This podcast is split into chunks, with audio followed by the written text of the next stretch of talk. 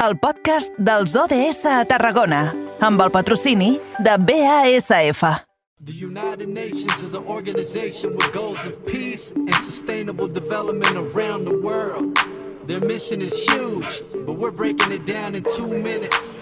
17 sustainable... Som-hi, va, moment d'aturar-nos als estudis de BX Ràdio, que allí tenim el nostre company Jonai González. Jonai, bona tarda, bon dijous. Bona tarda, bon dijous, Edu. Escolta, veig que vas molt abrigat. Tens fred.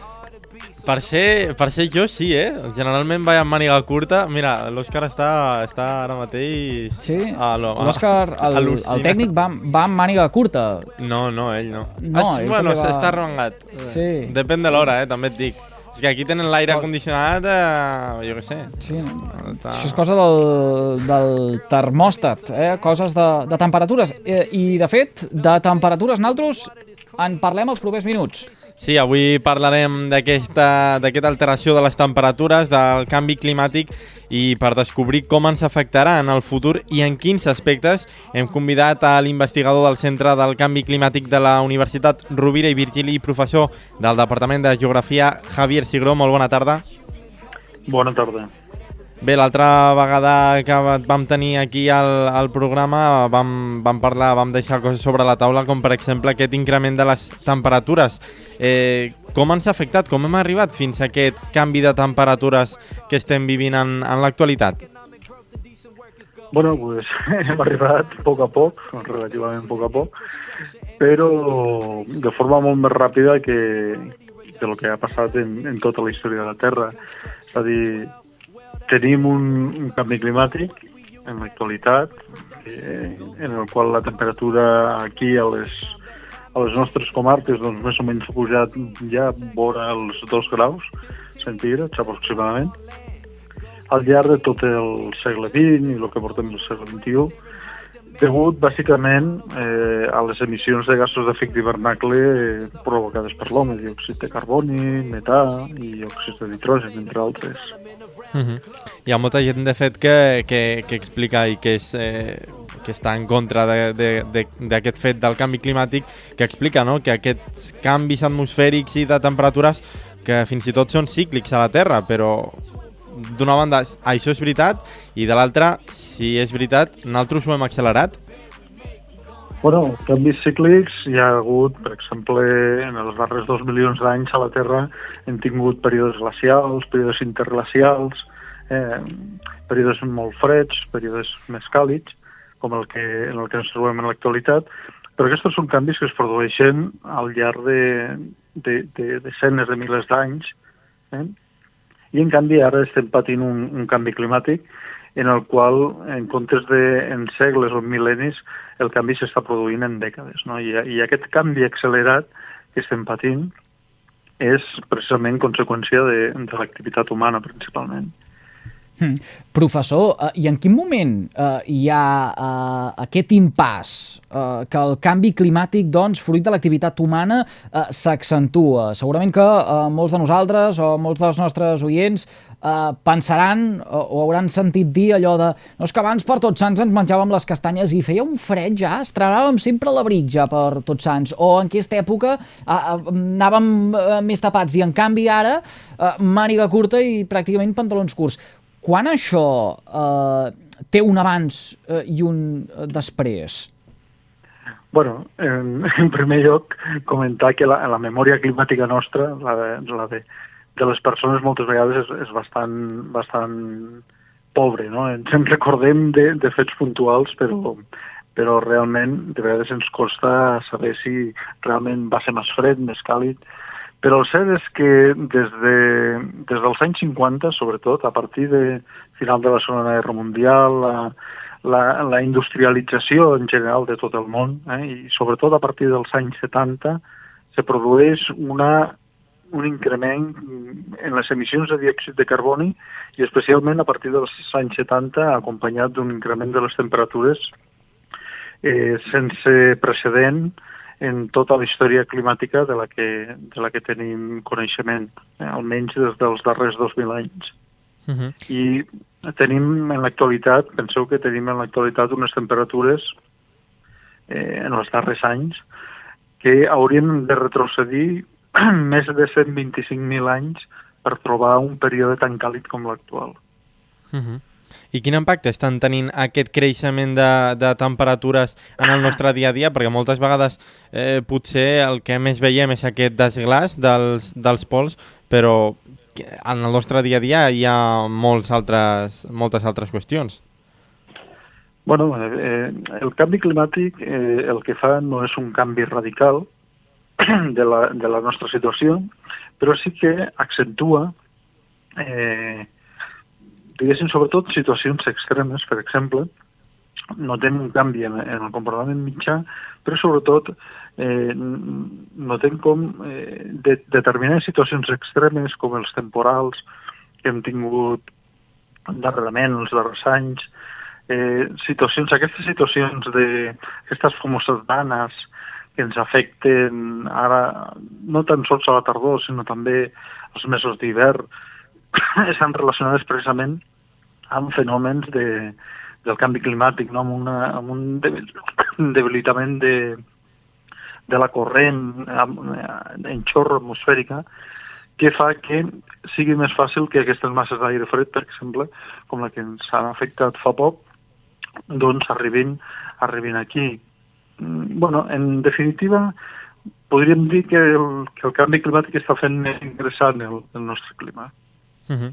De fet, podríem dir fins i tot que estem canviant de clima d'un clima mediterrani a un clima tropical per aquest augment de temperatures, que s'escalfi el Mediterrani, que hi hagi més intensitat a, a les pluges? Bueno, realment el... nosaltres estem en una zona clima mediterrani, el que ens trobem està en una zona de contacte entre el clima de latituds mitjanes i el clima tropical, pròpiament dit, i és cert que, disculpeu, és cert que el, en el nostre clima s'està produint una tropicalització, s'està desdibuixant la primavera i la tardor, i, i, i a poc a poc va evolucionant cap a, cap a un clima més de, de dues estacions, no? una estació més càlida, una estació més seca, però amb aquestes tardors i, i, i primaveres, doncs això, més desdibuixades. No? L'estiu cada vegada se va enxamplant, eh? va agafant més dies de primavera i, i ara també més dies de tardor i, i s'espera sobretot que en els propers 15-20 anys eh, les tardors, la temperatura, per exemple, dels nostres tardors augmenti i augmenti de forma considerable, de manera que les condicions d'estiu arribaran cada vegada s'adentraran més a l'octubre i més enllà. Mm -hmm.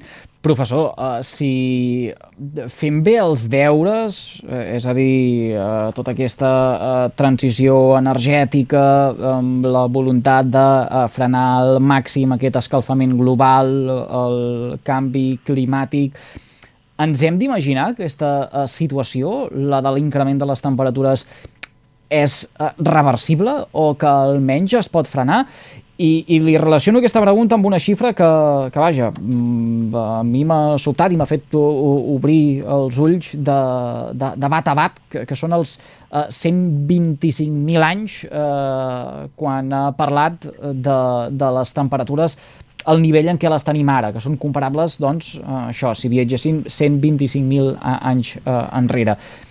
Uh, de la mateixa manera que aleshores ja hi havia aquest escalfament, uh, donat que uh, hi han aquests uh, cicles, vol dir que tornarem a viure un pas del clima tropical a la zona mediterrània a un clima mediterrani a la zona mediterrània, veurem com uh, la tardor torna a aparèixer uh, i veurem uh, com, uh, per exemple, Mm, les temperatures eh, tornen a ser les que eh, recorden els nostres avantpassats? Bueno, en, en els propers segles segurament no.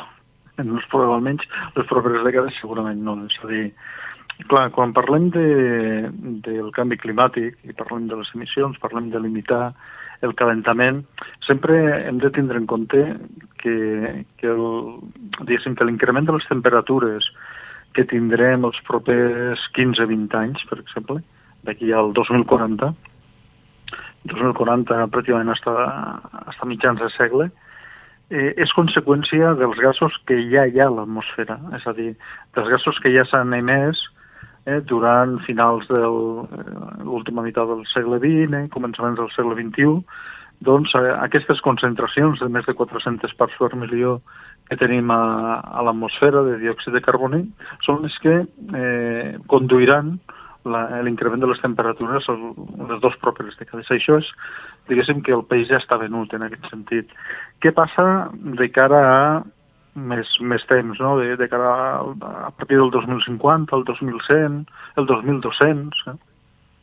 Doncs a partir d'aquí, aquí sí que és on podem limitar com serà aquest calentament actuant sobre eh, les emissions de gasos d'efecte hivernacle. Si limitem aquestes emissions, podem aconseguir aquests objectius d'intentar eh, reduir el calentament. No el podem, no el podem almenys a, a mitjà i curt termini, no el podem eh, revertir, però sí que podem limitar-lo perquè no augmenti més allà dels 2 o 3 graus centígrads.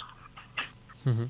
I això vol dir que en qüestió de catàstrofes naturals, de temporals, encara en tindrem més en els propers anys? És, és el, el més probable és que sí.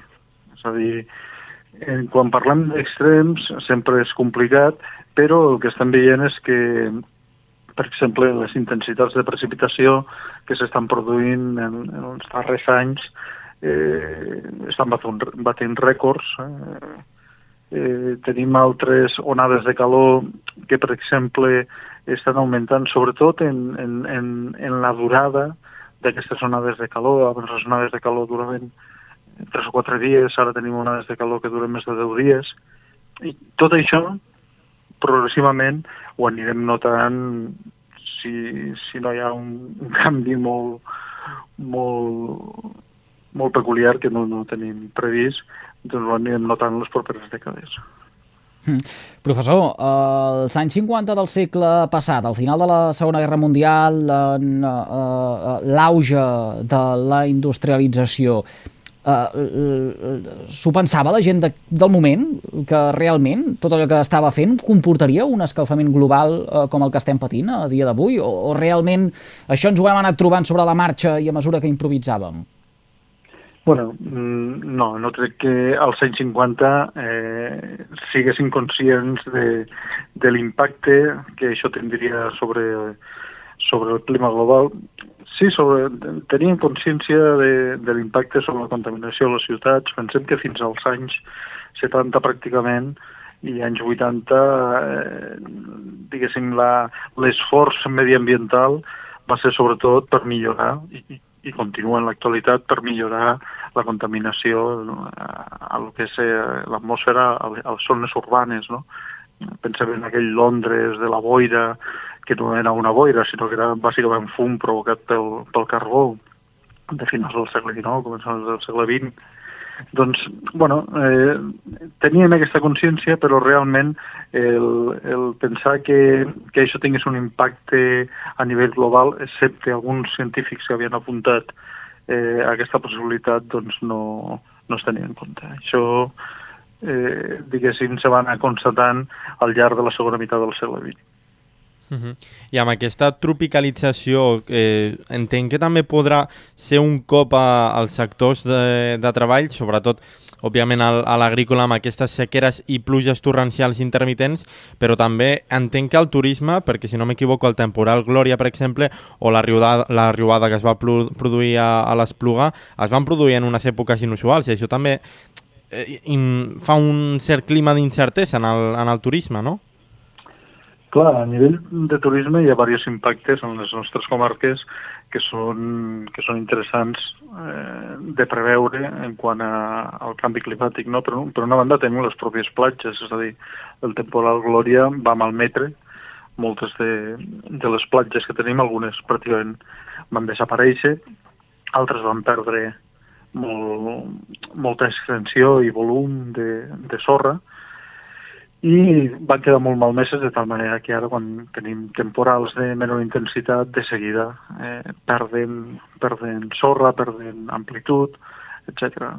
Se recuperen una miqueta de cara a l'estiu, eh, però cada any eh, aquestes platges van, van retrocedint i, i aniran retrocedint eh, lligat a, a, a l'increment del nivell del mar i a aquesta major potència de, previsible dels, dels temporals de mar. Tenim també eh, altres impactes relacionats amb, amb la temperatura. És a dir, nosaltres tenim un estiu bastant calorós i aquests estius se fan més calorosos potser poden ser massa agobiants per, pel turista que preferirà o altres estacions o, com ha passat durant la, durant la pandèmia, doncs descobrir altres zones una mica més fresques, no? en les quals mm diguéssim, molts països, França, Alemanya, Anglaterra, diguéssim, han fet un, un, un, diguéssim, una forta inversió en fer conèixer als seus conciutadans doncs, els avantatges dels, de les seves platges i, i dels, seus, dels seus atractius turístics. El canvi climàtic i l'increment de temperatures en concret és el quelcom que ja estem eh, experimentant. A dia d'avui està clar que tots hi hem d'aportar el nostre granet de sorra per tal de poder-lo frenar al màxim i que les conseqüències es notin en el menor eh, impacte possible de cara a les futures eh, generacions i això passa perquè hi hagi voluntat política i d'altra banda perquè eh, tothom s'ho cregui. Li agraïm moltíssim al senyor Javier Sigro, que és investigador del Centre del Canvi Climàtic de la Universitat eh, Rovira i Virgili, que un cop més hagi acceptat la trucada del programa. Senyor Sigro, que vagi molt bé a reveure. Bona tarda. Moltes gràcies a vosaltres.